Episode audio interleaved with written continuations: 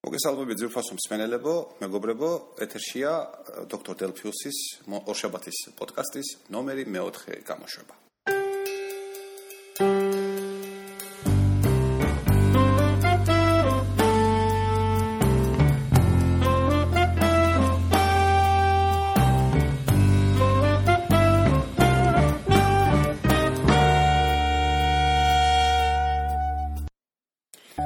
მაშასე დღეს რიცხვი გვაქვს? დღეს არის 24 თებერვალი 2013 წელი. როგორც უკვე გითხარით, მე-4 გამოშვებას ვწერ.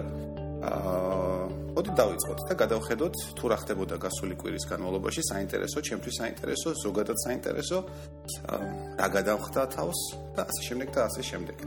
პირველ რიგში, ალბათ ეს ტრადიციად იქცევა ხოლმე, გადაცემის ყოველი მომდევნო გადაცემის დასაწყისში მე შევეცდები წინა გადაცემაში აღმოჩენილი შეცდომების უზუსტობების აღმოფხვრას. ასეც მოვიქცე, ასე მოვიქცევი ახლაც და წინა გადაცემაში ალბათ გახსოვთ საუბრობდით ჩელემესკის თავზე უცხო სხეულის ჭამოვარდნის შესახებ ციური სხეულის უბრალოდ და მე ვთქვი ასტეროიდი და უნდა ყოფილიყო მეტეორიტი. ისაც ბუდის გიხდით ასეთი უზუსტობისათვის ეს ერთი საკითხი 0 0 პუნქტად გქონდა ჩაწერილი პოდკასტის პოდკასტში სასაუბრო თემების სიაში. მე ამას თელეკვიკის განმავლობაში ვადგენ ხოლმე, რათა არ გამომივარდეს თავიდან, არ დამავიწყდეს მნიშვნელოვანი მომენტები. ამაზეც ვისაუბრეთ ჩვენ წინა გადაცემაში და მომავალ გადაცემებში საუბრობთ ვისაუბრებთ იმის შესახებ, რომ მე ვთილობ თავიდან მოვიცილო ნებისმიერი საქმე რა თვალსაზრისით. ჩავიწერო ის სპეციალურ სიებში, რათა ნებისმიერ დროს მქონდეს წვდომა ტელეფონიდან, ტაბლეტიდან, კომპიუტერიდან ერთ-ერთი მაინც მექნება დროის რომელიღაც მონაკვეთში ხელთ და გადავხედო თუ აი ამ დროის ამ მონაკვეთში ან ხვალ ან ზეგ რა საქმე მაქვს გასაკეთებელი. ძალიან მოსახერხებელია და თქვენს გირჩევთ ამოირჩიოთ თქვენთვის რაიმე to do პროგრამა Wunderlist გირჩევთ, ნამდვილად კარგი გერმანული ხარისხით შესრულებული პროდუქტია. გადავიდეთ შემდეგ საკითხზე. გასულ ორშაბათს იმ დღეს როდესაც მესამე გამოშვება გამოვიდა ჩვენი პოდკასტისა იმ დღეს დილას მე ვიღე ერთი წერილი რომელსაც ამ წერილებს ხომ მე საკმაოდ იშვიათად ვიღებ მაგრამ ყოველ ორ სამ თვეში ერთხელ რაღაცა მაინც მოდის. რას ეხება ეს? დაგეხება იმას რომ მე ერთ-ერთ უცხოურ კომპანიასთან რომლის სახელის გათქმის უფლებაც სიმართლე არ მაქვს მაქვს დადებული ხელშეკრულება და პერიოდულად მე მეგზავნება სათარგმნი პროექტები ლოკალიზაციის პროექტები მე გითხარით რომ ჩემთვის ეს ერთ-ერთი საინტერესო თემაა ზოგადად და სამოყვარულო თემა დონეზე კი არა უბრალოდ ვოლონტიორის დონეზე თქვა მე WordPress-ის გაქართულებას ვცდილობ, თქვა Drupal-ის რაღაც რაღაცა. ანუ ღია წყაროზე დაფუძნებული პროგრამული პაკეტების. მარსელს ასევე კომერციული პროდუქტებიც, რომლის ავტორებიც განსაზღვრულ თანხას უხდიან ლოკალიზატორებს სხვადასხვა ქვეყნებში, რათა მათი პროდუქტი იმ ლოკალურ ენაზე იქნას ნათარგმნი. ასევე ხდება ქართული ენისათვის მე მაქვს ეს ხელშეკრულება, თორსები კიდე ერთ-ორ ადამიანს უნდა კონდეს, თუმცა არ ვიცი რამდენად ისინი აქტიურად არიან ჩაბმული ჩვენ ამ საკითხში სამწუხაროდ ერთმანეთთან არ გვაქვს არც თუ ისე გვაქვს არც თუ ისე ხშირი კონტაქტი ხოლმე. სამწუხაროდ არც იმის ტიპის უფლება არ მაქვს თუ რა პროდუქტი მოვიდა ორშაბათს გასაკართულებლად აი როდესაც იყო ის გამოვა და თქვა მე დამერთება ნება თქვა მე რეკეთვით მაგრამ დიდი არ იყო რაღაც 80-ოდე სტრიქონი იყო სათარგმნი თანხა შესაბამისად დიდი არაფერი მაგრამ ყოველ შემთხვევაში სასიამოვნო იყო რომ კიდე ერთი პროდუქტის ქაქართულებაში პატარა წვლილი შევიტანე. საოცარია და უფრო დასაცილოა ის, რომ ეს პროდუქტი Windows პლატფორმისთვის არის მეგობრებო. ასე რომ აჯრების და შუშაბანდების მოყორულებმა გაიხარეთ. ძალიან კარგი. აა დავანებოთ ამ თემას თავი ლოკალიზაციაზე ჩვენ კიდე ბევრს ვისაუბრებთ. სანამ კიდე სხვა თემებზე გადავალ, აა ეგ ახსენებთ კიდევ ერთხელ, რომ დღეს არის 24 თებერვალი. ყველა მაკისტმა ну თუ ყველა მთვარა ფერმა მაინც იცის თუ ვიცი დაბადების დღეა დღეს? დღეს არის სტივ ჯობსის დაბადების დღე მეგობრებო აა დღეს ის 58 წლის შესრულდა. აა რამდენიმე დღეს წინათ მე Facebook-ში დავწერე სტატუსის სახით ამის შესახებ. იქ აღნიშნე რომ მე აა წარსულ დროს არ გამომიყენებ არასოდეს ამ თარიღის ხსენებისას და გახსენებისას აა რა ვიცი, როგორც გენებოთ ისე გამიგეთ, მაგრამ ჩემთვის ეს მხოლოდ აწმოთ რო შეიქნება, ნათქვამი ყოველთვის. კილოცავსდი. აა ერგეთყვი ახლა არ დაბერდე მეთქი, იმიტომ რომ მოკლედ დაგიმოჩოს. აი ესე და ამგვარად სტივის დაბადების დღეც გავიხსენეთ. მუსიკოსო, რადიო მსმენელებო გამოყოლილი მაქვს ბეტა ვერსიიდან გადაცემიდან. მსმენელებო. აა ორშაბათიდან ძალიან სერიოზულად მოვე კიდეც ფიზიკური დატვირთვების ამბავს. ასული ოშაბათიდან. მანამდეც დავდიოდი ფეხით, მაგრამ ეხლა მარშრუტი, კარგი მარშრუტი არ ვირჩიე და რეალურად 10000 ნაბიჯი ყოველდღე გამომდის. რამაც არ დააყოვნა, მინდა გითხრათ. აა და წონამ დაიწყო კლება. ანუ უпростоრად მე ჯერჯერობით არ ვიცი ეხლა რამდენს ვიწონე ვინაიდან ვიწონები ხოლმე ყოველ ორშაბათს სამსახურში საწყობის დიდ გიგანტურ სასწორზე.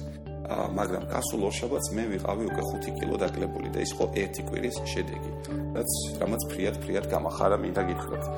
აა დიდი იმედი მაქვს რომ ხვალ ორშაბათს ოფშად თქვენ უკვე ორშაბათს ამას მოისმენთ, ანუ დღეს, ესე ვიტყოდი, თქვენთვის აა როა ვიწონები 5 თუ არა, ყოველ შემთხვევაში 1.3-3.5 კილოგრამი მაინც მექნება დაკლებული. ასევე ნახოთ ამ საღამოს თუ რამდენი ნაბიჯით დავასრულებ ამ კვირას. ყოველ შემთხვევაში 45000 ნაბიჯი მაინც მექნება. მინიმუმ გავლილი ეს იმიტომ მოხდა, რომ ხუჩაბას და პარასკევს სამწუხაროდ დილას მნიშვნელოვანი საქმეების შესრულების გამო აა ვერ მოახერხე ფეხით ბევრი სიარული და ეს ორი დღე ჩამივარდა სამწუხაროდ ამ თორე სადღაც მაშინა გამოსულიყო 70000 ნაბიჯი ანუ კვირაში. საშუალოდ 70000 ნაბიჯი უნდა გამოდიოდეს შეიძლება 75 შეიძლება 80 მაგრამ 70000 ნაკრები არ უნდა გამოდიოდეს. აა ერთი სიტყვით თებერვალი სადაცაა დასრულდება სულ რამდენიმე დღე და დარჩა მარტში ფიხიციარულით ვარჯიშების ინტენსივობა მოიმატებს რა თქმა უნდა და აპრილიდან ჩვენ გადავდივართ სირბილზე. სირბილის რეჟიმი ახლა უკვე ცალკე თემაა, ის ორგანიზმს უნდა დაუგდო ყური და დავინახო ვიგრძნო უფრო სწორად თუ რისი გაკეთება შეუძლია, რისი გაკეთება არ შეუძლია და იმის იმის მიხედვით შევასრულო დატვირთვები. და გამომატო ეს დატვირთები ვინაიდან ჩემს მდგომარეობაში, როდესაც 20 წლის განმავლობაში არანაირი ვარჯიში არ გავუკეთე, არ მიუღია ორგანიზმს, ნამდვილად ეხლა 5 კილომეტრის გარბინას მე პირველივე ჯერზე რა თქმა უნდა ვერ შეძლებ. შესაძლოა მაქსიმუმი რაც გავიბინო ის იყოს 500 მეტრი მაქსიმუმს გეუბნებით, მაგრამ არა უშავს. სიარულითაც მე 100 ნაბიჯის გავლაც მიჭირდა სულ რაღაც ერთი თვის წინ და დღეს კი ყოველდღურად 10000 ნაბიჯს გავდივარ. შეუსვენებლივ. პროგრესია მე მგონი. ასმაკი პროგრესი. აა სასაცილო ამბავი მოხდა გასულ კვირა დღეს, როდესაც ჩვენ წერდით აა VTF-ის ეთერში, სტუდიაში ბეტა ბეტა ვერსიის მორიგ გამოშვებას, ჩემო მეგობრებმა, დევიმ და მირიანმა აა საზეიმო ვითარებაში გადმომცეს საჩუქრად Windows XP-ის საინსტალაციო დისკი, ლიცენზირებული საიცენზიო კოდით იქ პატარა ბროშურით, რომელშიც სამხარებლო პატარა ესეთი quick guide არის მოცემული. აა service pack-ით ისე სხვათა შორის არც თუ ისე ძველია, კიდე გითხრათ. საჩუქარი დიდი სიამოვნებით მივიღე, ჯერჯერობით არ დამეინსტალირებია. აა ჩემი ჩემს Mac-ში ვირტუალურ ბანკანაში მაგის ეს უბრალოდ არ მიცალა. აა მაგრამ კიდე ერთხელ დიდი მადლობა მეგობრებო ასეთი საოცარი აა საჩუქრისათვის. ნუ რა გინდა, სადღაც ერთი 200 დოლარის საჩუქარი გიგავიდა პრინციპში. აა Windows-ი არ დამიყენებია ჩემს XP-ში, აი აი ერთი ალელოია უბრალოდ შეცდება ვერტყვია. XP-ში კი არა და Mac-ში. სამაგიეროდ მე დავაყენე Ubuntu და რატომ Ubuntu? აა ისევ და ისევ გამომდინარე ჩემი ლოკალიზაციის თემის თემით რომ არ გატაცებული. ჩემ კიდე 2005 წელს თბილისში არსებობდა ესეთი ორგანიზაცია ერაიდერები, არ ვიცი ახლა არსებობენ თუ არა, პრობლემაც წამოიწეს საკუთარ კარგი საქმე. სოროსის ფონდის დაფინანსებით მათ დაიწყეს Linux-ის კონკრეტულად Ubuntu-ს პოპულარიზაცია საქართველოში. ვერ გეტყვით რომ ახლა ძალიან დიდი შედეგები იქნება მიღწეული, იმიტომ რომ მასიურად ხალხის გადასვლა Linux პლატფორმაზე არ მომხდა და მაგრამ ყოველ შემთხვევაში ერთ-ერთი იმათაგანი, ვინც ერაიდერების რამდენიმე შეკრებას დაესწრო მე საქართველოს ბანკებშიც იღებდა მონაწილეობას 2006 და 7 წლებში ვიყავი მეც და შესაბამისად Linux-თან მქონდა ამ პერიოდში აქტიური შეხება. აა დღესაც მე თუ მკითხავ სამხარებლო ინტერფეისის თვალსაზრისით პირველ ადგილზე OS 10-ია, ანუ Mac-ის საოპერაციო სისტემა. მერე Windows-ი და მერე უკვე თქვათ Linux ოპერაციო სისტემები, მაგრამ ყოველ შემთხვევაში კვლავ ამოტივტივი და Ubuntu-თი, Linux-ი და კონკრეტულად Ubuntu-თი დაინტერესების თემა პირადად ჩემთვის, ვინაიდან გასულ კვირების კვირების განმავლობაში ბატონმა Shuttleford-მა თუ თუ სწორად გამოთქვა ამ გვარს ცოტათი შეიძლება ხოლმე, აა წარმოგვიდგინა ძალიან საინტერესო წამოწყებები. ჯერ იყო და რაღაც პერიოდისი წარმოგვიდგინეს Ubuntu for Phone, ანუ საოპერაციო სისტემა, რომელიც შესაძლებელი რომ დადგეს smartphone-ში. აა კონკრეტული მოდელებია ჩამოთვლილი, ეს არის Nexus Google Nexus-ები. აა და ეხლა გასულ კვირას წარმოქმნილი იქნა საოპერაციო სისტემა ტაბლეტებისათვის. ესეც Nexus ტაბლეტზე, თქვა და ეს რა ბოლოსაც Samsung-მა გამოუშვა უკთან ერთად Nexus 10, Nexus 7 და Nexus 10, მათზე შესაძლებელია ამ ტაბლეტის ამ ვერსიის დაყენება. საინტერესო ის არის რომ Ubuntu სწორი მიმართულებით მუშაობს და ცდილობს ერთი საოპერაციო სისტემის ბირთვის ქვეშ მოაქციოს სხვადასხვა მოწყობილობისთვის საჭირო საოპერაციო სისტემები, კერძოდ smartphone-ისთვის, tablet-ისთვის და desktop კომპიუტერისთვის. ამის შლობა არ აქვს, ეს იქნება ეს. დიდი კომპიუტერი თუ თქვა notebook-ი ან სულ notebook-ი. აა საბოლოო ჯამში უნდა მივიღოთ ის, რომ ერთი და იგივე კოდმა, ერთი და იგივე აპლიკაციამ უნდა იმუშაოს, პრინციპში უნდა იმუშაოს თავისუფლად და გამჭოლად ყველანაირ სისტემაში. smartphone-ში, tablet-ში და desktop-ზე. რაც მე ეს იდეა ძალიან მომწონს. იდეალური იქნებოდა პირადად ჩემთვის ვარიანტი, როდესაც ან smartphone-ი, ან tablet-ი ტაბლეტად მუშაობის დროს თქვა ის ყოფილიყო ტაბლეტ ინტერფეისით, მაგრამ მიუერთეთ მას არე მონიტორი, აა არე კლავიატურა, ფიზიკური მაუსი, რაღაცეები, თქვა გარეკების წყარო და ავტომატურად, ან თქვა ნახევრად ავტომატურად ხელით გადართვის რეჟიმში ის გადაიქცეს desktop სისტემად და გამოიტანოს. ახლა მაინც დამეთანხმებით ალბათ მეგობრებო, რომ აა ტაბლეტის ინტერფეისი, touch ინტერფეისი გნებავ ტაბლეტში, გნებავ smartphone-ში, სულ სხვა რამეა და desktop სისტემისა სულ სხვა რამე. სწორედ ეს იაღლიში დაემართა ჩემი აზრით Microsoft, როდესაც მან სცადა აა ერთი და იგივე უხელში კამეჩის და behemoth-ის შებმა არ შეიძლება არ გამოდის ტაბლეტ ინტერფეისი desktop სისტემაზე ჯერჯერობით ყოველ შემთხვევაში Microsoft-ის შესრულებით უარგისი რამ არის და პირიქით desktop სისტემა ტაბლეტ კომპიუტერზე ასევე უარგისი რაღაცა არის. აა უნდა იყოს ან ერთი, ან მეორე. ერთმეჩი გადაზელელი ჭადი და ყველებით არ გამოდის და ულამაზოა. აა Ubuntu გაითვალისწინა, უბრალოდ კომპანია Canonical-მა გაითვალისწინა ეს შეცდომა ჩემი აზრით და მე მგონი სწორი მიმართულებით მიემართება კიდე ერთხელ გავიმეორებ. ძალიან დიდი იმედი მაქვს რომ კომპანია Apple-იც აა რომლის საოპერაციო სისტემებშიც უკვე შეინიშნება დაახლოება მობილურ და დესკტოპ საოპერაციო სისტემებს შორის იგივე გზით წავა და არ გადაზელავს ერთმანეთში ამ ორ საოპერაციო სისტემის ინტერფეისი. აქვე უნდა ვთქვათ, რომ Microsoft Surface Pro რა თქმა უნდა უკვე ჰაკერების მიერ გატეხილ იქნა და ზედ დაყენებული იქნა Mac OS 10 რაღაც ძალიან გამახალისა და გამახარა, თუმცა ნამდვილად არ ვაპირებ 1000 დოლარზე მეტის გადახდას გაურკვეველ ტაბლეტ კომპიუტერში, ტაბლეტ ნოუთბუქში, რომელზეც შემეძლება მაგის გაშვება, ისიც თქვა halal ბედად, იმიტომ რომ ეს არ არის ოფიციალური და როგორი მუშაობს არავინ არ იცის, ამას მიჩვენია მაგთან ხას ოდნავ მეტი დავამატო და შესანიშნავი თქვა MacBook Air-ი შევიძინო. ან თუნდაც iMac-ი, რომელიც ახლა გუშინ მივიღეთ ჩვენს Go Electronics-ის აი მაინც თქვი Go Electronics-ის მაღაზიებში, მე ამ კომპანიაში მუშაობ და შეიძლება მოგზავნოთ და შეიძინოთ 21 დიუმიანი iMac-ი. ბევრი არა გვაქვს, ასე რომ იჩქარეთ.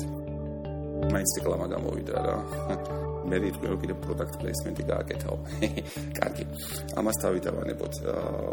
გასულ კვირას ასევე ძალიან საინტერესო მოხდა ის, რომ Google-მა გამოუშვა თავისი ხაურკველი და ძალიან უცნაური საოპერაციო სისტემისთვის ახალი ტაბლეტი ახლა გამომივარდა თავიდან იმ საოპერაციო სისტემის დასახელება. ხო, Chrome OS, Chrome OS-ის თვის ახალი ტაბლეტი, რომელსაც აქვს Retina ეკრანი. ნოუთბუქს ქვია Pixel-ი. აა მოკლედ უცნაურობა იმაში მდგომარეობს, რომ მოწყობილობა ღირს 1300 დოლარი. მას აქვს ძალიან მაღალი გარჩევადობის ეკრანი, თუმცა ძალიან უცნაური პროპორციებით 3:2-ზე, ანუ ესეთი კვადრატული დაახლოებით 10-12 წლის ნაკრო იყო მონიტორები ისეთი პროპორციები აქვს, რატომ გააკეთეს ამასაც ვერ ხვდები. გარეგნულად ძალიან გავს MacBook Pro-ს. მაგრამ ტექნიკური მონაცემებით არის ძალიან სუსტი. მას აქვს ცოტა ოპერატიული მეხსიერება, ცოტა SSD დისკი, რაღაც 20 გიგაბაიტი. შესაბამისად, თქვა Z რაიმე ალტერნატიული საოპერაციო სისტემის დაყენება კი შესაძლებელია, ეს ტექნიკურად რთული არ იქნება, მაგრამ შეთქვათ რომ მე SSD დისკი აბსოლუტ დისკური სივრცე პრაქტიკულად აღარ გექნებათ. წარმოადგენა არ მაქვს ვინ შეიძლება იყიდოს 1300 დოლარად მოწყობილობა, რომელიც გარდა Chrome OS-ისა ვერაფერში ვერ გამოიყენება. Chrome OS-ი კიდე Windows ინტერნეტის გარეშე ვერ მუშაობს. ფაქტია. ძალიან უცხოური რაღაცა გამოუშვეს. ну, მოკლედ Google ექსპერიმენტებს ატარებს, აქვს ამისი შესაძლებლობა ფინანსური, ასე ჩაატაროს რა პრობლემა ჩვენს გარეშე. აა ეს საინტერესო კიდე ის არის, რომ აა მოთხშაბათი დილა იყო, ეხეთ მივდიოდი სამსახურისკენ და ეს გადაადგილება ხდება ხოლმე გამოგვიგვინებელ ფაზაში მეტრო ელექტროდებოდან ეხლა უკვე კოციძის კოციძე რო ქვია უკვე ოფისამდე დაახლოებით 1 კილომეტრია გასავლელი ფეხით. და უსეთ მომისმა თიტების ხმა. გაზაფხულის სურნელი იქნობა რაც ძალიან מחარებს იმიტომ რომ კატასტროფულად და ჭირვით ვერ ვიდან ზამთარს ზოგადად თოვს სიცივეს და ძალიან სულ ხასიათზე მაყენებს ხოლმე ზოგადად ზამთრის პერიოდი. ძალიან მიყვარს როცა გაზაფხული მოდის და ყველაფერი ცოცხლდება, იღვიძებს და ისეთ ლამას ლამას კომორებაში მოდის. აა გასულ კვირას კიდე ერთი ის გამიხარდა რომ აა ჩემი საყვარელი ქართული სერიალი ცხელი ძაღლი მალე იმედის არხზე YouTube-ზე იქნება წარმოდგენილი აბსოლუტურად ყველა სეზონი ყველა სერია მაღალ ხარისხში ყვირდებიან, მათ შორის მეოთხე ეგრეთ წოდებული აკრძალული სეზონი, რომელიც ახლა გადის, მაგრამ ვინაიდან მე ტელევიზორი არ მაქვს და საღამ იმ პერიოდში, როდესაც გადის, თქვათ, iPad-ში მეზარება ხოლმე, თქვათ, ის my video-ის აპლიკაციის ჩართვა და თქვათ, იქ გადახროვა, გადმოხროვა, თუმცა არ მიყურებია, სიამონები დაველოდები ახლა YouTube-ზე ამ სერიალის დადებას, ხელახლა ძალიან შვიდა და ძმა ყოველ საღამოს თითო-თითო სერიას უყურებ და ამით შევიქცევ თავს. ვენც გიჩვენეთ, იმიტომ რომ არც თუ ისე ცუდი სერიალია, მინდა გითხრათ, არც თუ ისე კი არა, საკმაოდ კარგი სერიალია, კარგად გადაღებული.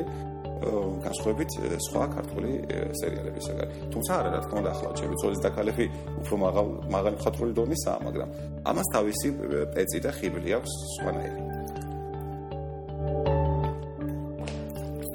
ცოტა წყალი. მოსვათ თორე ინტერნეტ ჩამეხნეცა ხმა.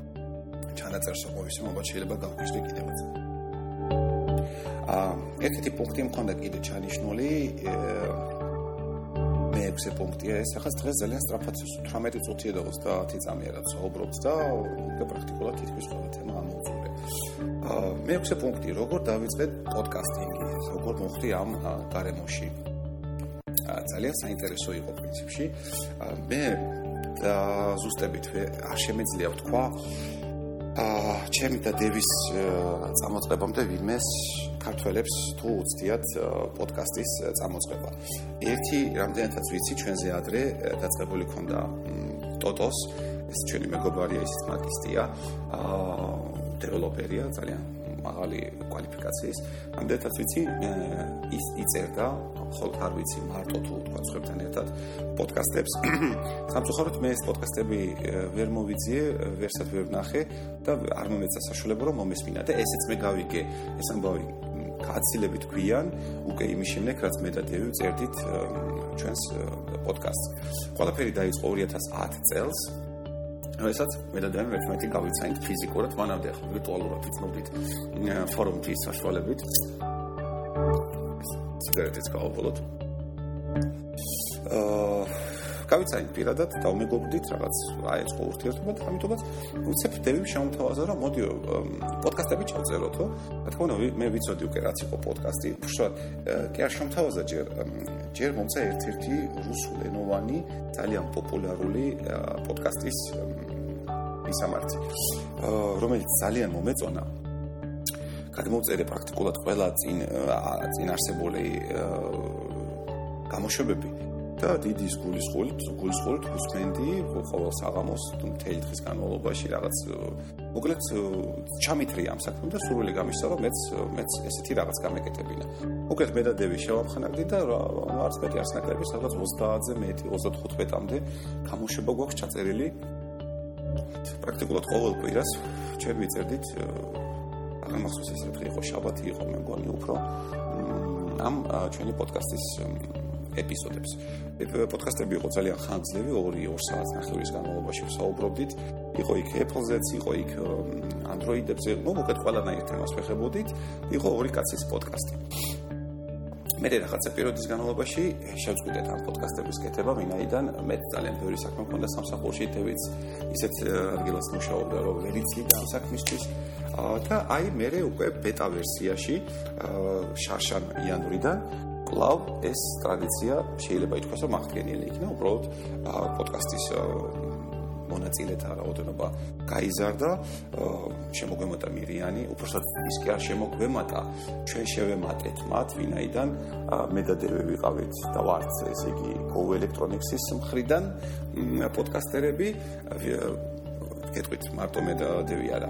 მირიანი იყო რადიო პიტერფემიდან და შაშან შემოდგომიდან ასევე Go Electronics-ის მხრიდან დაგვემატა ნიკი, ჩვენი გოგონა, ჩვენი ქალის ხმა, რომელიც ძალიან ძალიან ჩვენი გოგონა, overclocker-ია.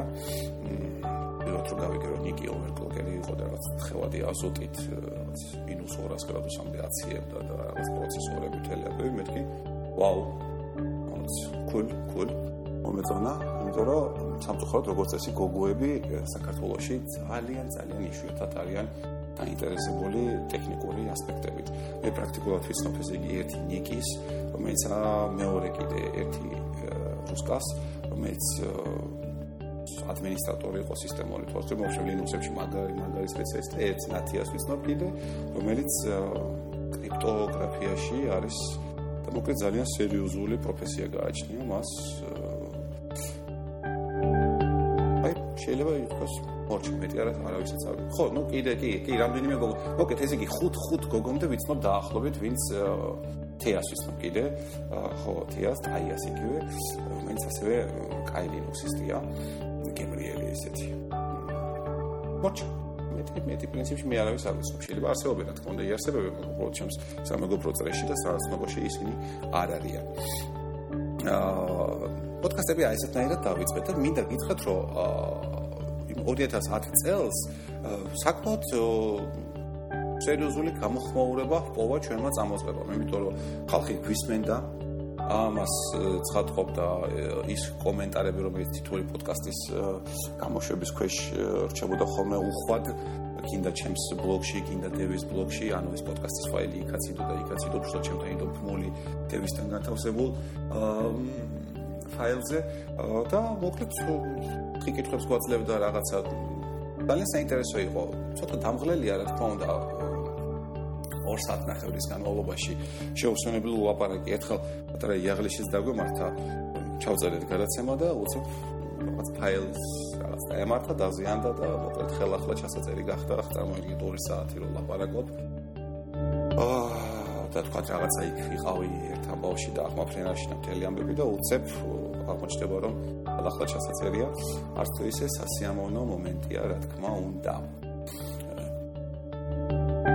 პოდკასტინგზე შეიძლება ეს თქვა თქვა პრინციპში მეტი რა ვიცი ისეთი არაფერი არ არის ტექნიკურ ასპექტებს ალბათ უფრო მოგვიანებით შევეხები. შეიძლება ტექნიკურ ასპექტებზე ძალიან რთულია საუბარი, ვინაიდან მე კლავ ჩემი ძალიან მარტივი კარნიტურით წერ აი ამ გამოშვებასაც სამაგიეროდ დევი დამეხმარა და გასულ კვირას გამიკეთა უწყვეტი ლუპი მუსიკალური ფრაგმენტი, რომელსაც ხვალდილით სამსახურის კომპიუტერში მონტაჟისას დავადებ, ნახოთ თუ მოგეწონებათ, ხოთ დაწეროთ კომენტარებში, თუ ვარგა, თუ არ ვარგა და თქვათ ხელს გიშლით ტექსტის მოსმენაში გაღიზიანებთ ან რაღაც არასასიამოვნო, მე მას შევცვლი, ან საერთოდ მოვაშორებ.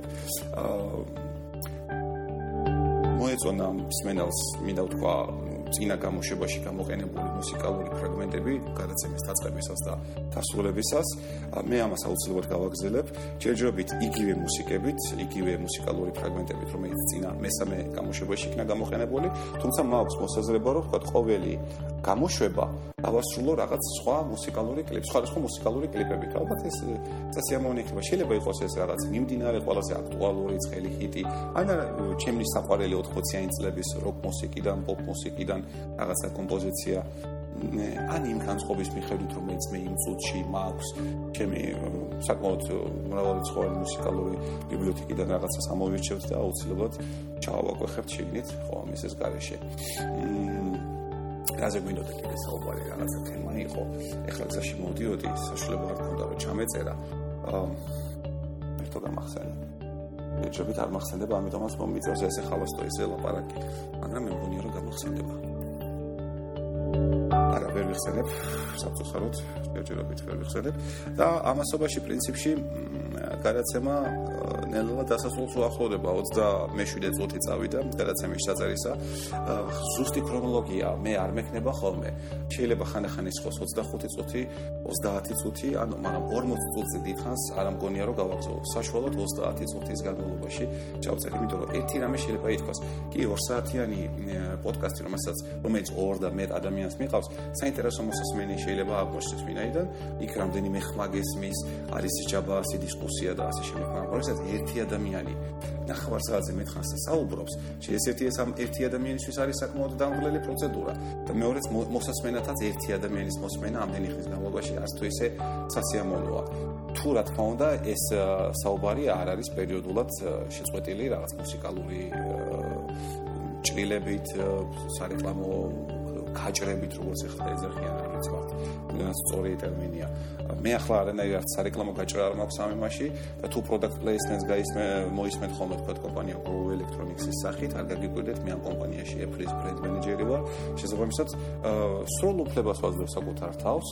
ის კომპანია მოიხსენიო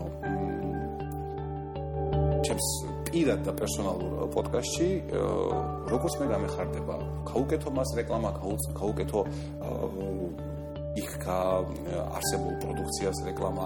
აი როგორც წერან გადაცემის დაწყებისას მოგახსენეთ ახალი 2012 წლის აიმაკები მივიღეთ 21 დიუმიანი ძალიან ძალიან მაგარი რაღაცა და მეც აუცილებლად მაგის შეძენა მინდა როგორც კი ამის ფინანსური საშუალება მომეცემა.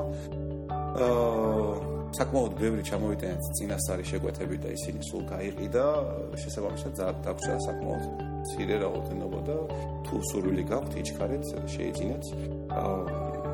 დროს სხვა დაგასწრეთ ამით მოდი დღეს ჩვენი გადაცემა დასრულებულად გამოვაცხადოთ ვინაიდან განსხვავებით წინა გადაცემებისა, რომლებსაც მე სახში ვიწერდი, ეხლა მე ვზივარ PTFM-ის სტუდიაში, ჯერჯერობით არავინ არ მოსულა მარტო არ და ამიტომაც არც არავის არ ვუშლი ხელს და ჩაწერაში და არც სხვა არავინ არ მიშლის ხელს, ვინაიდან აქ საკმაოდ მოურიანი კარებებია და ჭრაჭუნა იატაკი. ამიტომაც ვეშურები რომ მალე მოვჭე გადაცემის ჩაწერა. ორ შაბათს 25 თებერვალს თქვენ ამ გადაცემას მოისმენთ და დატოვეთ თუ შეიძლება კომენტარები იმის შესახებ რა მოგეწონათ, რა არ მოგეწონათ, რა შენიშვნები გაგაჩნიათ, რა რჩევები, წინადადებები და ამასთან ერთად დატოვეთ თქვენი კითხვები ნებისმიერ თემაზე, ოღონდ პოლიტიკის გარდა. პოლიტიკის გარდა ნებისმიერ თემაზე, ეს არის ტექნოლოგიები, რაღაც ტექნიკა, პროგრამირება, სიახლეები, პირადი ცხოვრება, ყველაფერი რაც გენებოთ, მე შევეცდები მაქსიმალურად ამომწურავად გავცეთ თქვენს ყველა კითხვას პასუხი. დიდი მადლობა მეგობრებო, რომ ისმენთ მომავალ შეხვედრამდე. კარგად ზარდებოდეთ.